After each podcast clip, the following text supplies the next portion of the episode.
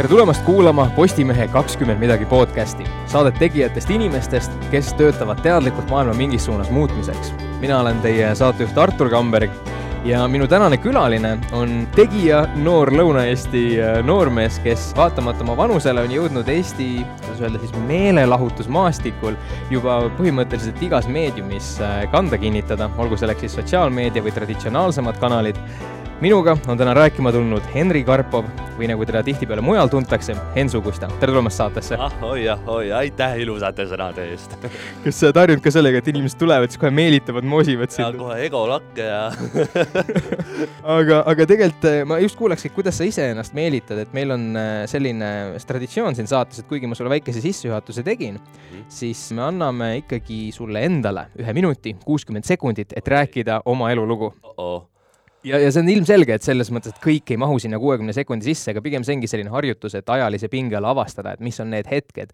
mis sa ise pead oluliseks, et kus toimusid mingid muutused või arengud. ja, ja sina võid alustada siis, kui sulle sobib, mina panen väikse taimeri, see ei ole nüüd kivisse raiutud, aga, aga sina ole lahke. pinge on peal, pinge on peal, hää küll, hää küll. absoluutselt. nii nagu torust tuleb nüüd äh.. siis, kui alustad, ma panen aja käima. Läks sündisin tuhat üheksasada üheksakümmend seitse, kolmteist oktoober Tartus sünnitusmajas, kus ma hiljem ka samas majas käisin ülikoolis, sest et see sünnitusmaja muudeti ülikooliks, ehk ma olen võib-olla tõenäoliselt olnud samas ruumis õppinud, kus ma ilmale tulin, see selleks. igatahes käisin lasteaias, mul olid hästi etteulatavad hambad, koolis sain äh, breketid endale, asi läks puude alla, sain tasuta breketid selle tõttu, mis sai nagu jess, aga samas narriti, mis sai nagu ai, ja siis äh, ühel hetkel võeti breketid ära, olin suht introvertne äh,. hakkasin oi,, oi-oi-oi, aega on nii vähe äh,. kooli mingi jõulupeol, mis iganes, sain esimese hoo sisse, vaatasin, et oh, lahe on inimesi naerutada ja siis hakkasin sotsiaalmeediat tegema kunagi gümnaasiumis ehk esimesena Twitterit, Vine'e, seitsmesekundilisi lühivideoid ja siis juba Youtube'i ja Youtube'ist on, Youtube on andnud mulle kõik need võimalused, ma olen üldse siin võib-olla, et äh, tele väike kogemus, äh, kõik kõnelemised, äh, My Hits Awardsil olin äh, sa laivi saatejuht neli tundi järjest, ma ei tea, appi. suurepärane, suurepärane sooritus ja täpselt minut aega. et äh, tegelikult sa tõid väga hästi, sa tõid kogu selle eluloo, mis eelnes sellele viimasele aastale siin ära ja tegelikult ma mõtlengi alustuseks võikski nagu rääkida sellest, mis sul viimase aasta jooksul on juhtunud, sest see on paras nagu selline Ameerika mäed ja seiklus olnud, et äh, et eh, ma saan aru, et see on sul suures osas möödunud telesaateid tehes, et, et sa oled vist, eh, kas on nii, et kahes erinevas saates eh, üles astunud, on siis Hensu Kusta show ja, ja Moeloojate saade, on nii? ametlikult jah. et no mingid mängusaated on ka olnud, vaata, kus sa lähed nagu niisama okay. või mingi õhtusaade, ütleme, Kanal kahes, on ju. aga ametlikult on jah, Hensu Kusta kaks hooaega ja nüüd oli Moeloojad üks hooaeg sa oled seni ilmselt nagu enamus meist televisiooni mõttes ikkagi pealtvaataja olnud, see, kes kodus selle sisse paneb. siiamaani ma arvan aga kuidas on olnud see kogemus nüüd ise saateid luua, olla seal teisel pool kaamerat? oi, tead, see on väga põnev on olnud ja väga silmi avav üldse näha, et kuidas, ütleme, Hensu Gusta show puhul seda, et kuidas äh, tekst mõeldakse valmis, äh, no mina ei mõelnud seda teksti, et palju seda tööd läheb sinna alla et ütleme, et kui me filmisime ühe päeva jooksul neli või, oli neli või viis saadet, neli vist pigem, ma ei mäleta mm, -hmm. järjest, et sa, see, ütleme, kes tsena kirjutas või nagu teksti, et ta pidi kõik neli saadet valmis kirjutama enne. samuti siis kaameramees, kes filmis seda kõike, samuti hiljem, kuidas ta töötles, no lihtsalt see, see on nagu lihtsalt niisugune pooletunnine saade ja sinna alla läks tegelikult nii palju tööd ja mul on väga suur respekt tegelikult teleinimeste ees, mis nagu selles mõttes äh, ja kas teil olid nagu, ma tean, et igasugu Jimmy Fallon show'd ja mis need USA nagu sellised yeah. vähe koomilisemad sellised late night show'd on, et seal on alati sellised kirjutajad, seal on eraldi koomikud, kes nalju panevad yeah. või see oli sinu töö? Ei mul küll oleks vist võimalus olnud, aga ma ütlen ausalt, et Youtube'i kõrvalt, kui ma teen oma Youtube'i kanalile video, kus ma iga päev kogu aeg mõtlen videoideedele ja mis iganes, et ma lihtsalt ei oleks jõudnud seda. et moeloojad oli tegelikult selline erinev täiesti sellest teisest Hensugusta show'st, et seal ei olnud teksti, seal ma olin mina ise yeah.. et seal oli pigem niisugune päris emotsioonid, situatsioonid, et see oli omaette kumba sa rohkem nautisid? Oi, niimoodi ma ei saa võrrelda, sest et mõlemad olid täiesti erinevad ju mm. -hmm. sest moeloojates ma pidin lege riiete kollektsiooni looma täiesti nullist, ilma riiete moekogemuseta et see oli selles mõttes raskem saade, aga samas see oli lõpus, kui see valmis sai ja vilja tõi ja vilja kandis, siis see oli ikka väga hea tunne. aga ma mõtlesin pigem tegelikult isegi selles mõttes, et ühes on sul selline stsenaarium ees, see, mida öelda on ees, ja teises sa tegelikult, sa tuled kohale ja sa oled sinna ise. et sellise saatejuhina, saate osalisena, kumba sa nagu pigem naudid? pigem naudin seda, kus ma saan ikkagi mina ise olla. see on nagu Youtube'iski, vaat, sa oled ja. sina ise. absoluutselt. kui sa saaksid nii-öelda sulle tuleb keegi produtsent, ütleb, et Henry, siin on mägiraha, siin on meeskond, siin on stuudio, tee, mis saadet tahad, mis on, mis saadet sa teeksid, kui sa võid täiesti nagu ise? oi, ei, oi kuule, ma ei tea. see on praegu pitch, võib-olla meid kuulavad ja, produtsendid ja, nagu. sest et äh, Youtube'is oled vaata nagu igasuguseid asju katsetanud, nii kokkamispoolt veiniga, on ju, samas mingid kunagi sketši tüüpi asjad ma ei tea, midagi, mingi naljakas asi võiks olla, ma arvan, mingi humoorikas võib-olla ja aga samas on nii raske midagi uut välja mõelda, vaata aga mingisugune selline, ongi mingi lei-, ma olen ise mõelnud, et selles mõttes, esimene kord, kui me sinuga vist kohtusime, oli seal Startup Day'l yeah. Tartus. ja, ja siis äh,, siis ma olen ka nagu näinud igasuguseid videoid, ma käisin kohal siis, kui sa olid õhtujuht, mis, üritus nüüd oli, kus sa mainisid? sa käisid seal või? jaa, My Hitsil, My Hitsil on ju. My Hits Artsil, jah, jah, just. seal on ka. ja siis ma mõtlesin, et, et täpselt, et sinu formaat tundub olevat selline nagu täiesti niisugune nagu noh, ma ei tea, meie oma, oma Jimmy Fallon või midagi sellist Vau! no ma ei tea, ma ei tea. aga ei, ma ei tea, ma olen alles kakskümmend kaks. et äh, hetkel ma ütlen ausalt, kogemust ei ole palju, katsetan ja eks näis, mis tulevik toob, see oleks muidugi üli-ülilahe ma ennist korraks põgusalt puudutasin seda teemat ja tegelikult sa ise ka ütlesid, et, et sa avastasid, et sa tahad, noh, kui sa seal koolis õhtujuhina üles astusid, et sa avastasid, et sa tahad inimestes emotsioone tekitada. aga et kui tulla pisut sellise suurema pildi juurde, siis kas sul on enda peas, südames mingisugune eesmärk ka, et miks sa oma sisu toodad, et ükskõik, mis platvormi jaoks oleks, või, või teed sa seda praegu lihtsalt niimoodi, et ma tunnen, see on õige asi, mulle meeldib ja ma veel ei tea, kuhu see läheb? Mõlemale küsimusele, variandile ütleks jah, sellepärast et kui ma ei tee näiteks nädal aega videot, kui ma olen noh, reisil või mis iganes, siis on niisugune tunne, et jumala, ma tunnen ennast väga halvasti. Ma tunnen nagu nii nördinult ja kui ma panen video üles, siis niisugune pingelangus, kõik see, sest et ma tunnen, et ma vean inimesi alt, kui ma ei pane, ütleme, kui Youtube'ist rääkides videot üles. sest et nelikümmend seitse tuhat inimest ootab seda ja mul on kirjutatud, kuidas äh, lapsed istuvad näiteks vanematega maha iga kord äh, teleka ette, et vaadata Youtube'ist minu videot, mis on nagu what mm. -hmm. see, et inimesed nagu ootavad ja saadavad kirju, et hei, kunas uus video tuleb ja see, ja kui sa oled kolm aastat seda elu elanud, et sa teed nädalas vähemalt ühe või kaks videot, ja siis järsku sellest välja tulla, ma kujutan ette, et see oleks minu jaoks väga-väga raske. väga sürreaalne. ja, ja ütleme, et Instagrami puhul, et miks mõttes ka Youtube'is on see, et äh, ma olen asja mingis mõttes läbi huumoriprisma teinud ja naljaga, ei ole seda võtnud nii, et ma olen mingi hull influencer elu ja jumal hoidku, mulle see sõnagi ei meeldi. et elan nüüd ja ainult selle jaoks ja seda, et pigem ongi, et ma olen asja huumoriga teinud, olnud nii mina kui võimalik päris, et ei hakka mingeid illusioone ka inimestele looma, valetama ja ja see on nagu toiminud siiamaani ja anti diplom ka Lätist ja aga see oli see, räägi mulle, mis auhind see oli? see oli see oli sürr, sellepärast et saime kutse, mina ja Liina, ja läksimegi kohale koos Martiga, et Baltic Brands Awards, okei okay,, on ju, ei olnud kuulnudki, esimest korda vist toimus et kus olid kõik need Balti kolm nii-öelda riigid ja siis oli, et äh, parim linn Baltikumis või kõigepealt valitakse igast riigist siis top viis ja sealt top viiest see top üks nii-öelda, ehk Eestist oli siis äh, Tallinn valiti, no ma ei tea, mina ikka ütleks, et Tartu mm, -hmm. aga see selleks, ärme lasku sellesse. Ja sellesse laskume hiljem.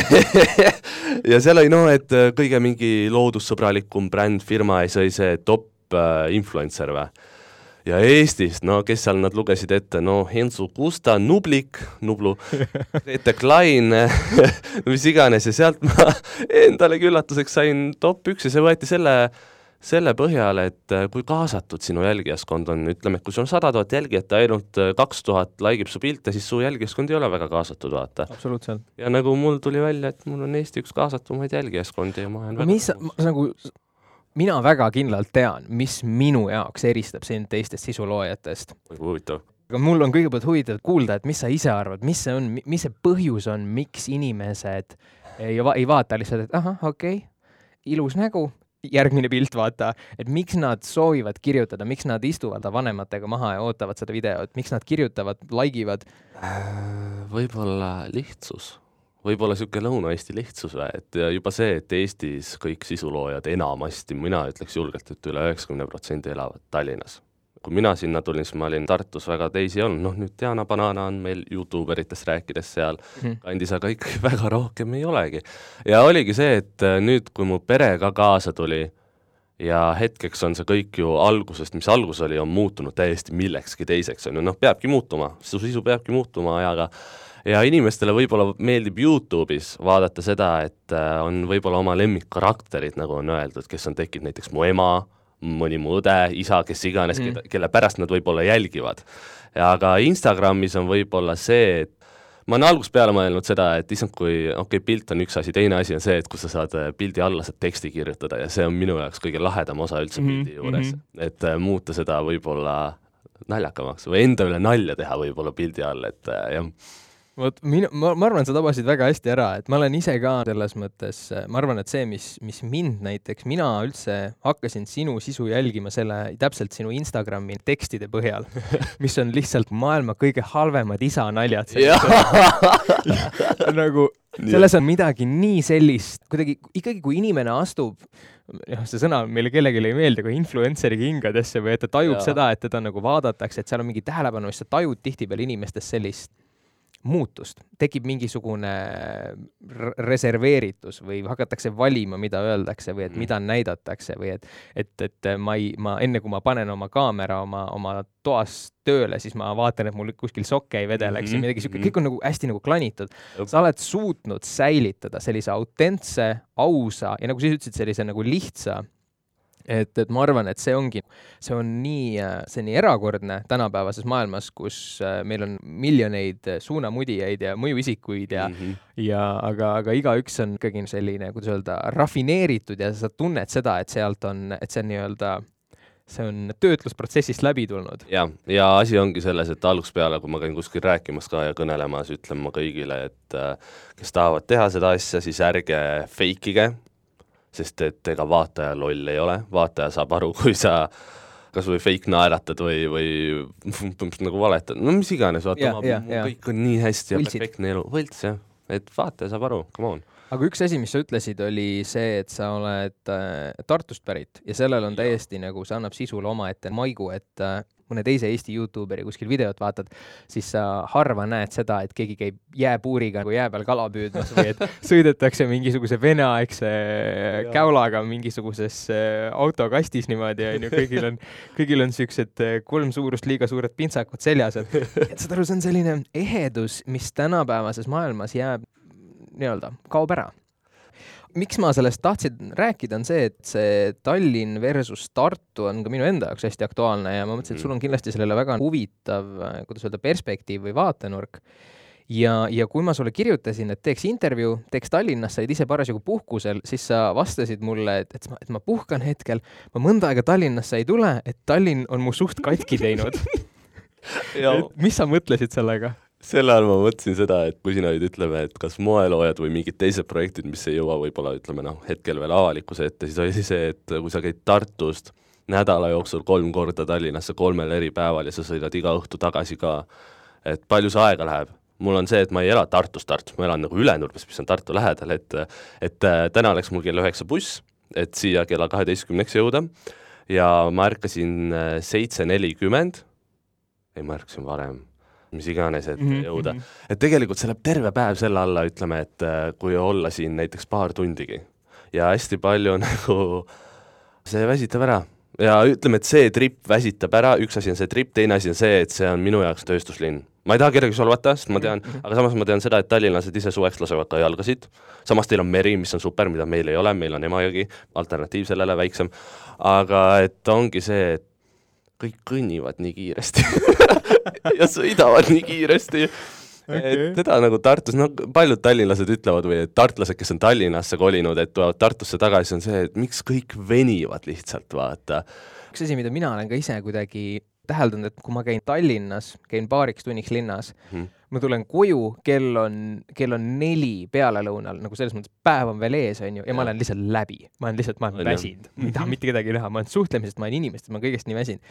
aga siis, kui ma nüüd elasin äh, paar kuud Tartus, siis oli see, et sa käid linnas ära, selles mõttes, et mul oli, ma kirjeldasin seda niimoodi, et kui Tallinnas lõpeb sinu kodu sellel hetkel, kui sa keerad oma Snepper lukku korteri ees kinni, on ju, mhm. siis Tartus kodupiir ongi nagu see linn, selles mõttes, et see ei lõpe, sul see kodutunne on ka kuidagi nagu tänaval ja selles selles mõttes. jaa, aga ongi niimoodi, sellepärast et kui ma olin mingi periood hästi kaua Tallinnas ja ütleme niimoodi, ma ütlen, selle asja nimi on Tallinna pohmakas minu jaoks, kui ma olen üle kahe öö Tallinnas, sest siis ma hakkan räigelt igatsema oma aeda mm. -hmm. ja ütleme, et kui ma tulin Tallinnast siis tagasi Tartusse ja jõudsin, mingi pime aeg oli, ja mul oli ise kui piinlik, aga mul tuli lege pisar silma, kui ma sõitsin Tartu tänavatele ja hakkasin bussijaama juurde jõudma sest et ma olin nii õnnelik, et ma saan olla kodus tagasi, mina võtan ka Tartut kui turvalist kodukohta ja samuti eraldi on veel Ülenurme, kus ma elan, see on nagu full-full kodu, vaata mm. -hmm.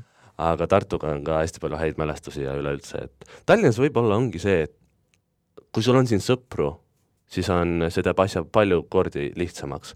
aga samas on seda, et mingis mõttes ma ei tea, ma ei oska kuskil olla kui mul Tartus on vaba aeg, siis ma tean, kuhu minna, ma tean, mis pargipingid on olemas, mis yeah, võib-olla yeah., mis need mugavamad ja vaiksemad kohad on. siin ma ei oskaks kuhugi minna. ma lege esimene aasta, kui ma käisin Tallinnas, hakkasin rohkem käima, oli see, et ma hängisin linnahalli katusel, et mere me,, võtsin rivist mingi pitsarulli ja istusin ja sõin seal, lihtsalt vaatasin merd. et ma ei osanud Tallinnas kuskil olla ja see teeb asja nagu minu jaoks natuke ebaturvaliseks, et ma ei tea, kuhu minna, kui midagi peaks juhtuma. või midagi sellist. jaa, jaa, ei, ma saan täiesti aru, aga kui äh, tuua kõik need tunded sellesse töökeskkonda, et kas sa nagu ise tunned näiteks, äh, mida ma ise olen tajunud, et, et mul on tunne, et ma võib-olla isegi eelistaks elamiskeskkonnana Tartut mm., aga lihtsalt kui tegeleda selles sektoris siin mm, -hmm. kõik sinu võimalused on kõik toimub Tallinnas. kõik on Tallinnas, Tallinn on elu. räägi mulle, kuidas sul sellega on? sellega on juba see, et teinekord, kui on mingi pakkumine et kui ma paneks see, et kas ta on Tallinnas või Tartus oleks ja kui ta, üks pakkumine on Tartus, mida ma muidu võib-olla vastu ei võtaks, siis see, et see asub juba Tartus, see annab juba viiskümmend protsenti tõenäosust mm -hmm. juurde, et ma võtan selle pakkumise vastu. et see kas sa seda survet tunned, et või ütleme niimoodi, et kõik, kõik suruvad, ütleme seda, et lihtsalt kõik suruvad seda, et varsti sa, või ähvardavad, sa kolid varsti Tallinnasse. et see on nii palju räägitakse ja Anu Saagim ütles viimane kord, sa lõpetad kindlasti Tallinnas et, äh, et kõik räägivad seda ja ma, ma tunneksin seda, et ma oleksin Tallinnas õnnetu mm. -hmm. ma mhm. tunnen, ma sisimast tunnen seda, sest mu peresõbrad, aed, koer on seal ja võib-olla ajutiselt äärmuslikult nagu see, et ma elan siin ajutiselt, et mul on mingi place, kui mul väga hästi peaks kunagi minema hakkama, et ma elan siin ajutiselt koht, kus olla, vaata Aga... vanemad tulevad Tallinnasse külla, vaatavad, Henry on jooma hakanud ma teen seda nii, ei, ei, ei tee seda niikuinii. ja aga ei, noh, ma ei tea. aga selles mõttes, kas sa ise näed, et sa võiksid enda tööalal, elualal jätkata siis edukalt, mitte kolides Tallinnasse? samas ongi see, et kui ma koliksin Tallinnasse, mis minu Youtube'ist saab, sest minu videote sisu on pere ja sõbrad mm. -hmm. Nemad elavad Tartus, mida ma siin teeksin? siin on nagu, noh, Marti-Liina on et no, aga no palju videoid ma nagu nendega teeksin, et pigem ongi see, et see juba hoiab mind tagasi, sest et mu Youtube muutuks drastiliselt. aga ma ei, ma ei kujuta ette. ma olen ise kaalunud sellist varianti, et, et umbes esmaspäev, teisipäev, kolmapäev, neljapäev Tallinnas mm -hmm. ja siis äh, oled näiteks nii-öelda kolm päeva Tartus et, et, et see, see on täiesti selline asi, mis tuleb nagu enda jaoks lahendada mm. -hmm. ma, ma nagu täiesti, ma selles mõttes, et praegu isegi ei intervjueeri sind, vaid ma ise, mul endal, endal on dilemma ja ma otsin vastust. ma mõtlen ka, et, et, et pigem see maal elamine, vähemalt nii-öelda, mis sinu sisusse puutub, ongi sinu pluss, sellepärast nagu sa ütlesid, et, et see Tallinnasse kolimine ilmselt nõuaks sinult täielikult nagu fookuse vahetamist, et näiteks sa tegeledki ainult telesaadetega ja su mm -hmm. Youtube nii-öelda jääbki tagaplaanile sest et teine pluss, mis nüüd mul sõbranna välja tõi, oli see, et ma rääkisin, et mind kutsuti ühele asjale ja Tartus ja siis oligi see, et nad ise tõid ka välja seda, et meil ei olnud kedagi rohkem kutsuda. et palju Tartus on neid inimesi võib-olla, kes nagu tuleks või, või õhtuööks või mis iganes, vaata. et see, kõik elavad Tallinnas ju. et mingis mõttes annab see Tartu ürituste puhul nagu eelise vaata. see konkurents on väiksem. ja konkurents on väiksem et samas, et sellel on omad plussid ka, et noh, ma ei tea aga ma leidsin äh, seda Integrit ette valmistades ühe, ühe, võib-olla need mõtted on aegunud, selles mõttes me oleme noored inimesed, areneme, kasvame. sina oled mingi vist aasta või kaks vana Intega, äh, kus sa siis ütlesid, et äh, ma olen see vend, kes võtab väga vähe reklaamipakkumisi vastu ja tegelikult, tegelikult ei meeldi mitte kellelegi ju reklaam, ma ei tee asju raha pärast. Ma saaksin seda teha, aga ei tee ja kuigi ma olen väga nõus, kellele üldse meeldib reklaam, aga siis nagu ma tahangi küsida, et, et nüüd sa oled äh, vanemaks saanud, järjest enam jõuab aktuaalseks see, et, et nagu mingi hetk tahaks nagu vanemate juurest välja kolida, et kas su mõtlemine on selles osas muutunud või, või kuidas sa nagu näed seda, et kas see on, kas sa tunned, et see võiks olla ära elatav ettevõtmine sinu jaoks või see on ikkagi nagu selline? kindlasti võiks. Mart-Liina elavad. Elavad. Elavate nimekirjas ja, aga samas ma näen kõrvalt, et äh, mis struggles on, vaata, just Tallinnas. aga pff, no, üür ja kommunaalid ja kõik see, et tegelikult äh, ja kui sa tahad nagu hästi, noh, sa pead hea välja ka nägema enam-vähem, kui sa oled niisugune mingi elustiili vend, on ju.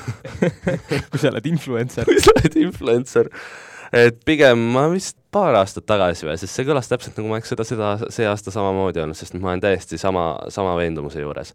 et äh, minu viimane reklaamitud postitus oli äh, Raksi kampaania, mis sai kevadel mm. -hmm. ja mina ei ole selle vahe sees nüüd äh, sügiseni teinud ühtegi koostööd, sest ma saangi seda endale lubada, et et asi on selles, et vanemate juurest välja kolida, okei okay,, ma olen kakskümmend kaks, on ju. samas on see, et ma puutun võib-olla äh, meil on iga päev, meil ei ole sellist tülisid võib-olla või seda, et niisugune tiinekate kombel, ma vihkan sind, uks mu vanemad on nõmedad.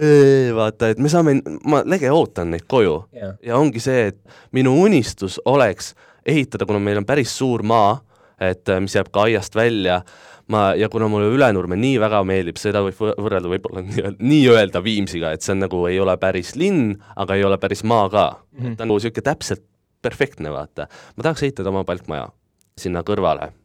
et see on üks minu unistus, mida ma tahaksin kunagi teha ja hetkel ei kiirusta, vanemad ka ei ole ka meelt avaldanud. aga kui sa, kui sa nii-öelda jätkad ikkagi sellel lainel, et et ma tahan pakkuda inimestele parimat ja see tähendab seda, et ma ei taha neid lõujutada reklaamiga mm -hmm., ehk siis sa ikkagi otsustad, et sa ei tee sellest endale sissetulekut, et sa ei, sa ei, sa ei pane kõiki žetoone siin selles sektoris mängu mm, -hmm. et siis millega sa näed ennast tegelemas? oi, oi, oi samas on ta, samas on ka nagu see, et, et tegelikult sul on ju aastatepikkune kogemus nüüd sellel alal. ongi see, et mina olen pigem võtnud selle viimase kolme aasta jooksul kõik vastu mitte raha, vaid kogemuste pärast, sest teinekord on projektid, mille eest ma ei saa sentigi, enamasti on. et äh, pigem ongi see kogemus, mis kaalub üle selle raha. ja see on see, mis on minu jaoks väärtuslikum hetkel ja nagu pean nagu rebima ennast tükkideks, et saada raha, raha mhm, kuskilt mm -hmm. teenida. et ma käisin veel paar aastat tagasi, kui ma Youtube'iga tegelesin, ma korjasin maasikaid ja käisin võsa lõikamas ja mingeid niisuguseid asju, vaata. see ei ole ka kõrvalt teha midagi või et ma käin iga aasta, see aasta nüüd augustis käisin ka Haukalaadal kolm päeva, müün äh, A Le Coq'i tilgi all ikkagi õlut, sest see on väiksest saadik olen käinud seal laadal vanematega kaasas, alates kaheksateist aastast saadik olen ka müünud seal ja et äh, see traditsioon ka ei kao kuskile, et see on nagu niisugune lihttöö, teenindussektor, vaata. ühesõnaga, et kui sa Eestis selline päris esikümne või esikolmiku influencer ei ole, siis sa käid ikkagi vabal päeval niidad heina raha eest. ja, ja ei umbes jah, et Eestis on ju üleüldse see, et, äh, et sa pead oma niši leidma, et väga lahe, sest sul on oma platvorm juba olemas ja kui sa suudad mingit asja, ütleme, paljud blogijadki, kes on maakler ja kellel on oma, ma ei tea, raadiosaated, äh, podcast'id, mis iganes, kes teevad nagu kõrvalt asju, siis asi tasub ära. ja samuti, kui sul on asi, mida tahad reklaamida, siis sul on platvorm olemas, sest et vaatajate jaoks see nii väga reklaam ei ole, kui sa promod enda asja mm. -hmm. et seda nad võib-olla aktsepteerivad rohkem kui ütleme, mingit teist reklaami. Et noh, ma siin olen otsingul nii-öelda, mida huvitavat teha võib-olla. sa oled, sa oled mingisugustes intervjuudes, ma vaatasin, tuli mitu korda tuli üles see, et sa ütlesid, et ma olen see mees, kes ei tee plaane, et ma ei suuda isegi kaks kuud ette näha. sa oled väga põhjalikku tööd teinud, väga lahe jah, ja, ja siis äh,, ja siis ma just mõtlesin, et, et, et kas, kuidas see, kuidas see nagu sinu jaoks äh, muutunud on, mul tunne, et, et sa oled kuidagi hulga rohkem hakanud mõtlema selle peale, et kas sa pigem praegu ikkagi proovid panna seda sisulooja asja tööle või sa oledki nagu selles mõttes vaatad, otsid neid alternatiive? oi-oi, no ma ei tea, minu jaoks on ikkagi põhiline, mida ma katsetan või mida ma otsin, on uued videoideed, ütleme mm -hmm. niimoodi, et kuidas vaatajatele midagi naljakat teha, mitte seda, et uh, kust ma koostöid saaks võib-olla. okei, okei, okei. et see on alati olnud nagu rohkem võib-olla prioriteet, sest et hetkel nagu elan enam-vähem ära, muidugi Ameerika reis tuleb, sõbrad kinkisid, aitäh, Marti-Liina, et selleks ma ei tea, mis ma pean tegema hakkama, et sealt selle jaoks raha kõrvale panna, eks näis, mis ma teen siis tänavale, aga pff, ei, ikkagi elan mõtlen niimoodi, et kastist väljas ja kuu aega mõtlen võib-olla ette. jah, kuu aega, mul on alati nagu kalendriski avad telefonist, sul on terve kuu yeah, aega. yeah., aga sellest ettepoole nagu ei saa väga mõeldagi aga räägi üks asi, mis on minu jaoks hästi huvitav, et sina oled äh, nüüd ikkagi mitu aastat Eesti rahva jaoks sisu tootnud ja, ja paratamatult sa selle käigus ikkagi noh, sa paned tähele, umbes mulle keegi Instagrami tüdruk rääkis, et et ma, et kui ma räägin nagu elust ja, ja filosoofiast, et siis ma saan nii, noh, nii sada laiki, aga et kui ma panen ikkagi nagu Pepu pildi, et siis ma saan ikkagi tuhandetes. et sa, kas sa oled täheldanud, et mis see sisu on, mida rahvas tahab või et oh jaa, see... minu Pepu pildid nüüd on väga populaarsed. ma kujutangi ette, et see on sinu põhiline ekspordiartikkel. aga et, et, et mis see Eesti, Eesti sellise mitte ainult sotsiaalmeedia ja mingi Youtube ega üldse nagu, mis see meedia tulevik on? no ma võin öelda, mis on töötanud võib-olla nii Youtube'is kui Instagramis. kindlasti eestlastele meeldib eh, sisu, mis kritiseerib kedagi et see vingumine. on vingumine, kritiseerimine, kellegi mustamine, see on see, et kus oh, puit pannakse kuskil kellelegi, siis kõik jooksevad kokku ja vaatavad, vaata.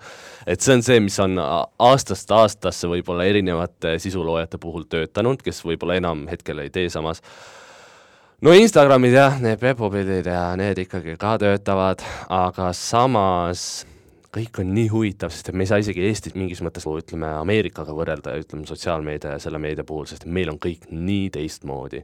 juba see, et äh, tegelikult on võimalus, võimalusi on väga palju, et saada populaarseks mingis mõttes, sest et meil on nii palju Youtube'iski žanre, mida ei ole tehtud veel, ma ei tea, legodest roboteid või, või äh, samas see, et sõbranna küsis, et kurat, et ei ole naistele jõusaali mingi harjutuste kohta, et kuidas teha videoid. jaa, selles mõttes jaa. no mingid niisugused väiksed asjad või vist on, ma ei tea, aga noh, et nagu neid võimalusi on nii palju, mida, või neid auke, mida täita nii-öelda, et mis on tühjad veel, et mida kõik saavad teha ja mida nagu anda, aga samas on see, et meil on nii väike rahvaarv. jaa, just, just. see ongi see, et kaua sa viitsid oma, ütleme, kui sul on mingi tuhat mingi erilist huvilist, et kaua sa teed neile, sest Eestis on ikkagi see, et sa pead, kui sa tahad ära elada, oi, sa ei ela ikka ära. ei, ma kusjuures täpselt, minul oli täpselt sama, mina tegin ju ka paar aastat Youtube'i ja ma tegin sellist nii-öelda filosoofilist või nagu jagasin mingeid mm -hmm, huvitavaid mm -hmm. mõtteid, lugesin raamatut Sihuke mõte või et mingi eluõpe. tean, mäletan, vaatasin. ja, ja siis äh, tekkis tuhat huvilist üle nagu isegi nagu maailma, aga nagu selle tuhande huvilisega ongi see, et tegelikult Youtube'i tegemine on ajalises mõttes täiskohaga töö, kui ma tegin seal kaks-kolm videot nädalas ja, ja see nii-öelda rahaline tasu on sealt selles mõttes ei, mitte, mitte olematu, vaid lausa negatiivse märgiga, sellepärast et sul kulub ju kõige nagu mingisugune noh, tehnika ja värkide peale. Äh, üks asi, mis käib äh, tuntusega kaasas nagu sukk ja saabas, on siis äh, kriitika. Uh,, on heiterid, on vihkajad. Ja me kõik teame inimesi oma isiklikus elus, kellele me nii väga ei meeldi, aga tuntuse puhul on on neid lihtsalt rohkem ja, ja nad on hulga valjemad. et ma lugesin kuskilt, et sa oled saanud tapmisähvarduskirju meili peale. ah, see eile ei jaa, ikka olen saanud see on nii totter on rääkida sellest, nagu see oleks tavaline asi, aga see on tavaline asi. aa, see on nagu tavaline asi? see on tavaline asi, et ma saan kriitik-, no oled sa üle kümne saanud või? jaa, jaa.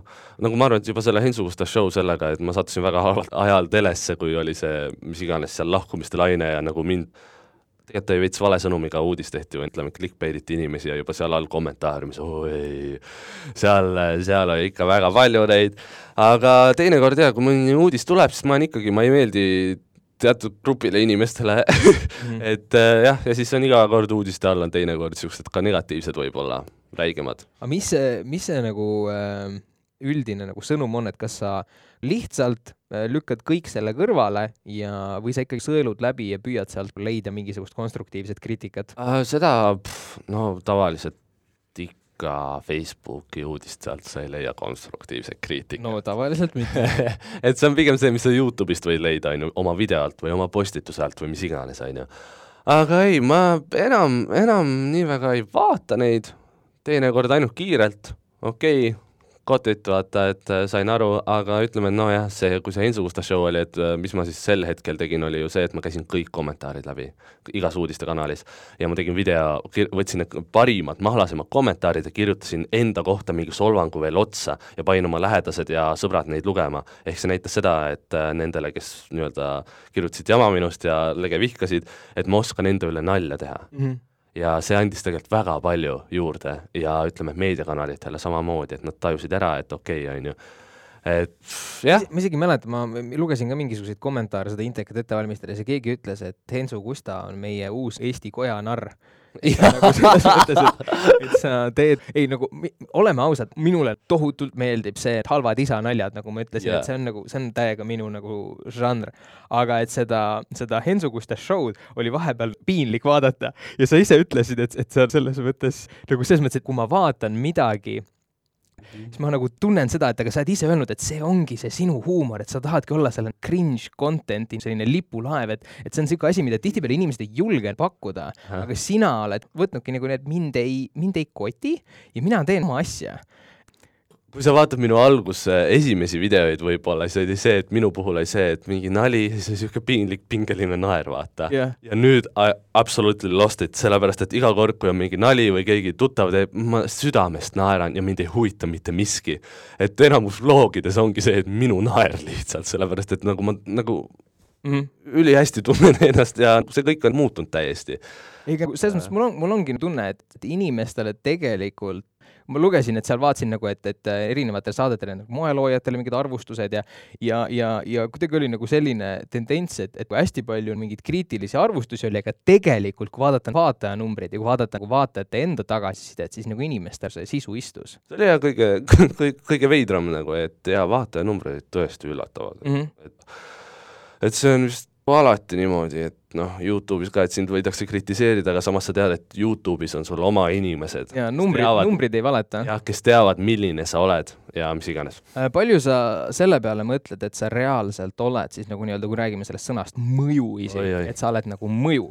kõik me mõjutame oma siis sõprade, töökaaslaste mõtteid, elusid mõjuisik kõlab isegi paremalt kui ütleme, eeskuju see ei meeldi mulle, see sõna. sulle ei meeldi sellepärast, et see paneb liiga suure vastutuse või? jah, ma olen hästi paljudele eeskujude ees,, eeskujude projektidele selle tõttu ära öelnud ah,. et mingisugune, et, et mina olen Hensu Kusta ja mina õpin Tartu Ülikoolis, tule sina ka või kusjuures jah oledki või?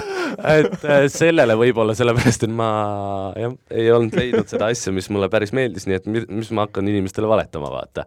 ja samuti eeskuju, ütleme, et kui on äh, ükskord ma tegin lastekaitsepäeva raames selle, et ma rääkisin enda loo ära kiusamisega seoses ja mm. ütlesin seda, et see ei ole kindlasti okei okay,, et seda tehakse mm. ja mis iganes, mina kannatasin selle all.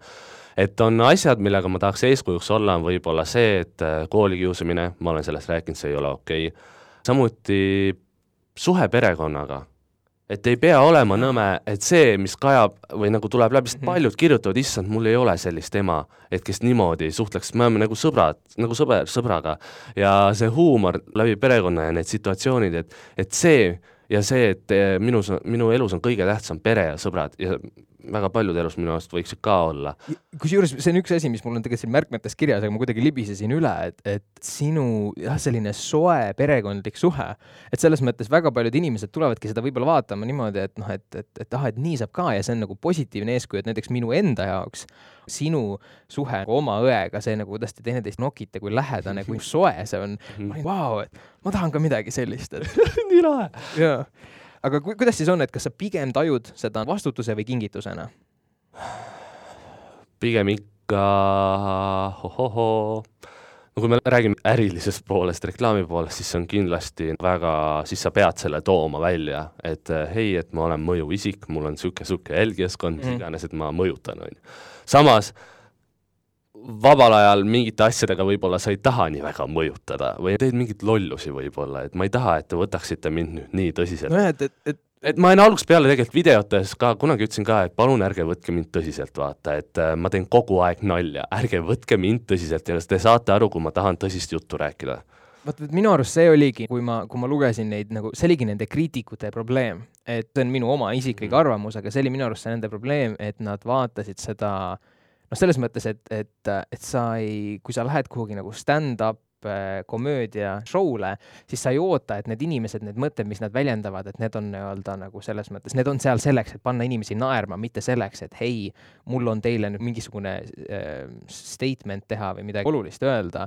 et, et see, et kui sa teedki sellist huumorit, siis peab olema valmidus tullagi vaatama seda huumorit, mitte hakata siis kritiseerima selle peale, et kuulge, nii ei saa ju. Et äh, aga ma saan aru, et, et sa oled, sa oled öelnud, et sa elad veidrat elu, mis on nii kuradi lahe ja, ja sul on hea meel, et sa saad seda kutsuda tööks. kas see endiselt kehtib? jah, absoluutselt. kas sa seda ka kardad? selles mõttes tihtipeale, kui meil on inimestena, me, me armastame midagi, siis meil paratamatult kaasneb sellega, et meile miski väga meeldib, hirm seda kaotada. on sul see nii? Ma olen algusest peale olnud selle teadmisega, et see võib iga hetk kaduda, sest ma olen näinud seda kõrvalt, äh, mis iganes, et ongi see, et äh, seni, kuni see on, ma võtan kõik vastu, äh, igasugused võimalused, mis iganes, mis mugavustsoonist mind välja to toovad. aga samas on ka see, et ma oleksin väga kurb muidugi, kui see peaks ära kaduma.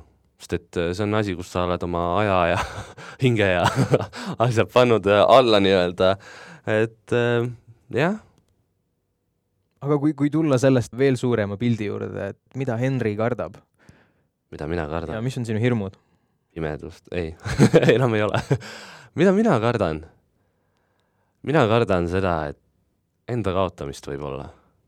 et ongi see, et miks ma Tallinnat võib-olla kardan ka mingis mõttes, ongi see, et ma tunnen, et ma kaotasin enda siin ära, et ma kaotan ära asjad, mis on minu jaoks tähtsad elus võib-olla, et pere ja sõbrad, et ongi see, et äh, et sa oskad oma jala õigel ajal maha panna ja kui see mõjutab sinu pere ja sõpru, sest ma olen iga kell valmis loobuma oma pere ja sõprade nimel kõigest sellest mm. -hmm.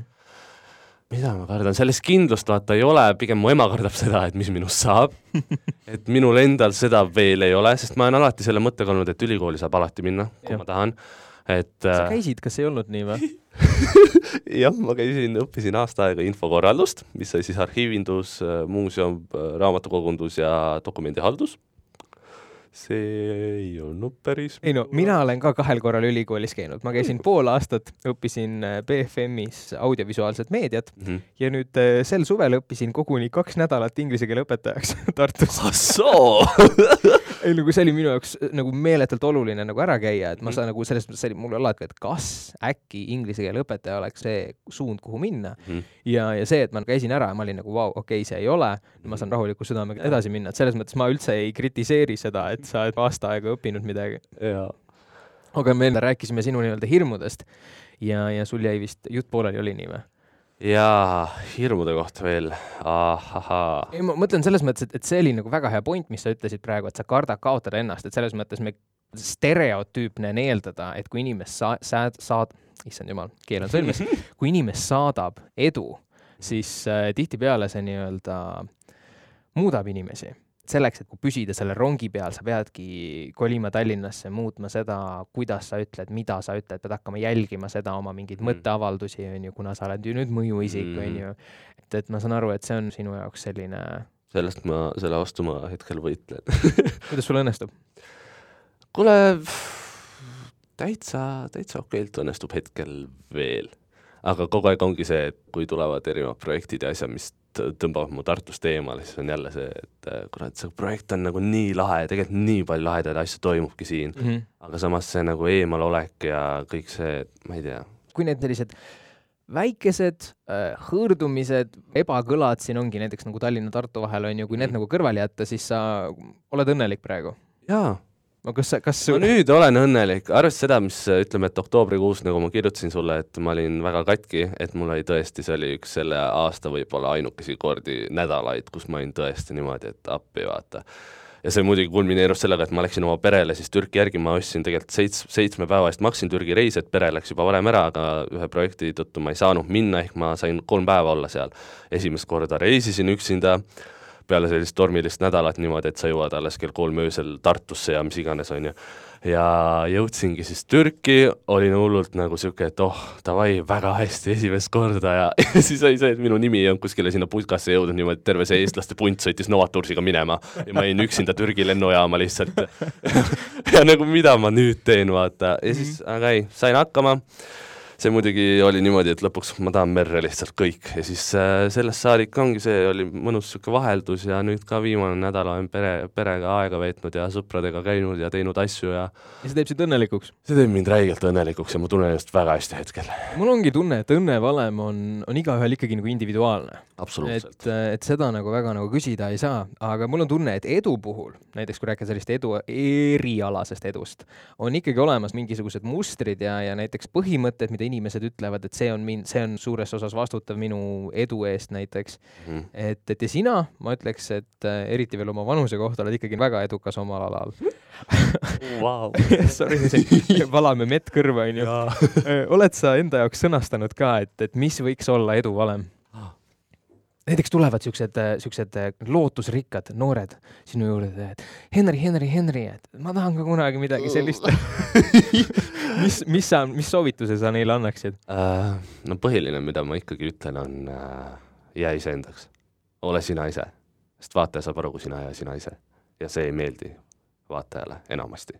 et ära feigi, nagu me ennist rääkisime. ja see on nagu põhiline ja samas mina olen see nõme vend, kes, kui ma käin klassides ja asjades kuskil inspiratsiooniloengutel lastele rääkimas, teised hullult innustavad, hakake Youtube eriteks, hakake mis iganes, vaata, siis mina ütlen seda, et äh, palun ole vähemalt kuueteistaastane, enne kui sa astud sellesse ellu, sellepärast et see sind tambitakse kõigepealt maatasa, kindlasti. väga karm Kriit,. kriitika poolt, on ju.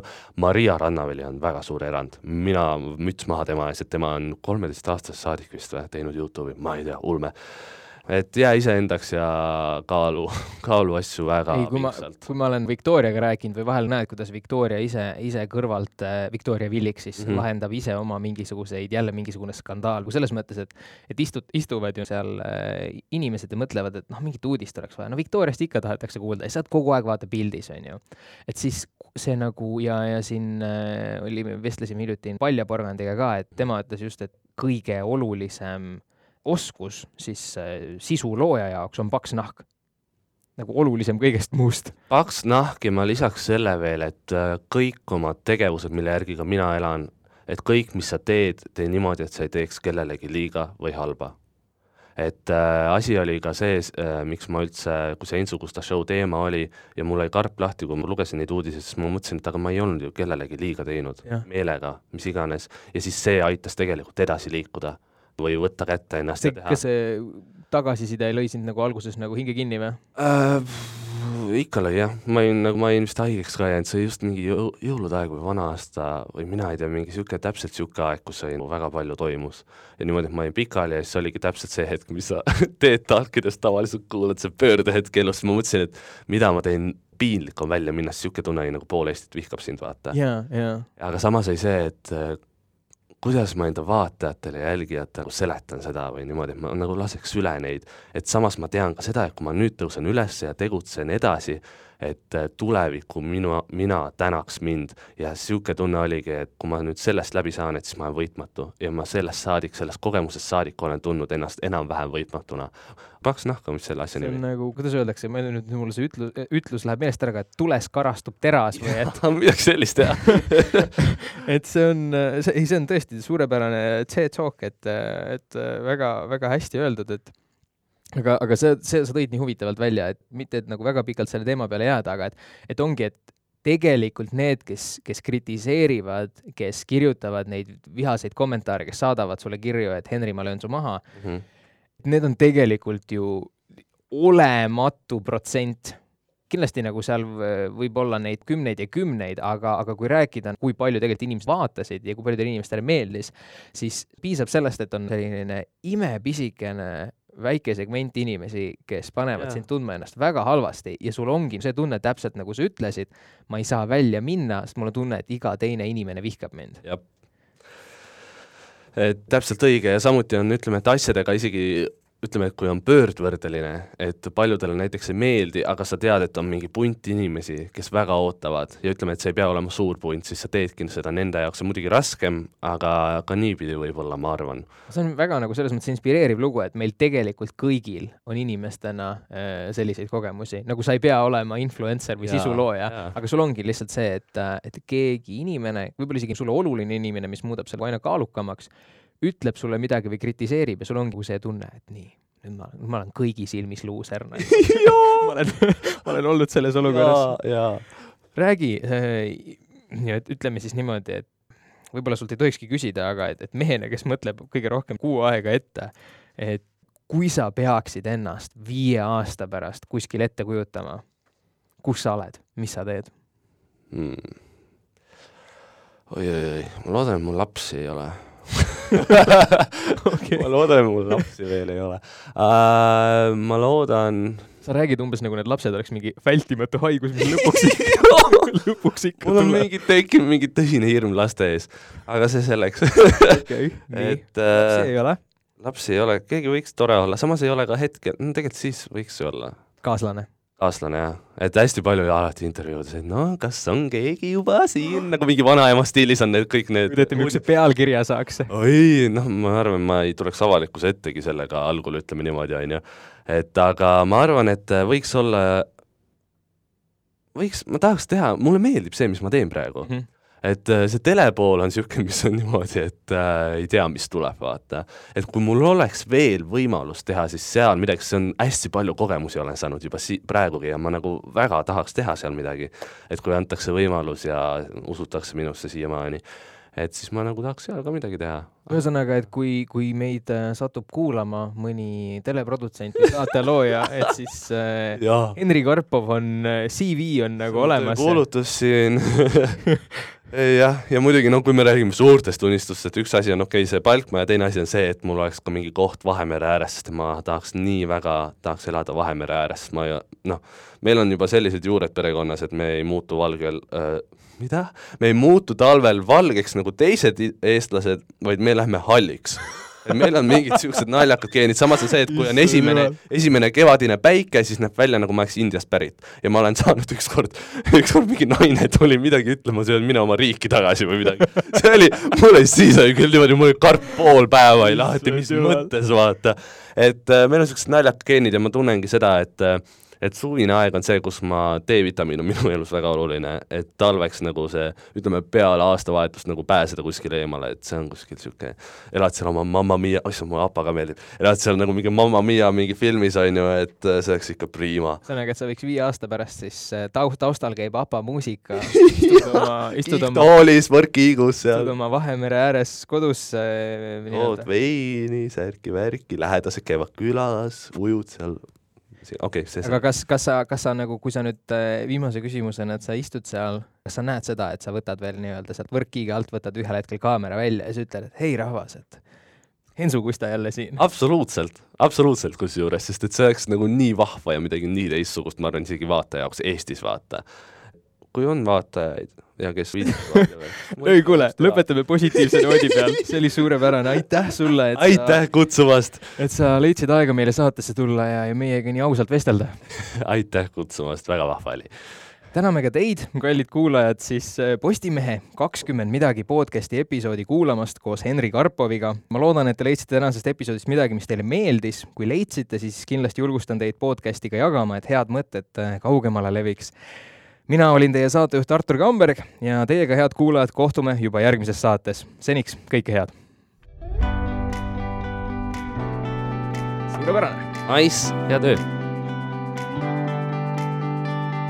nii käib jah? super, otse kakskümmend kaks on ju? kas sa nägid eilset story't või? olin eile voodis ja kümme minutit ma ei suutnud välja mõelda, kui vana ma olen, kui vanaks ma nüüd oktoobrikuus sain ja inimesed saatsid, sa said kakskümmend kaks lollakat, vaata.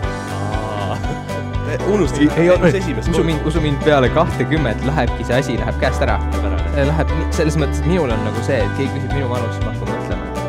et, et sa tead, et minul on praegu see, et kui keegi küsiks, mul esimene reaktsioon, et ma olen kakskümmend viis, tegelikult ma alles saan kakskümmend sellepärast et sa nagu ma juba ette tean, et ma alati liidan ühe, sest ma kogu aeg harjunud sellega, et ma arvestan eelmise aastaga nagu. ja, ja, ja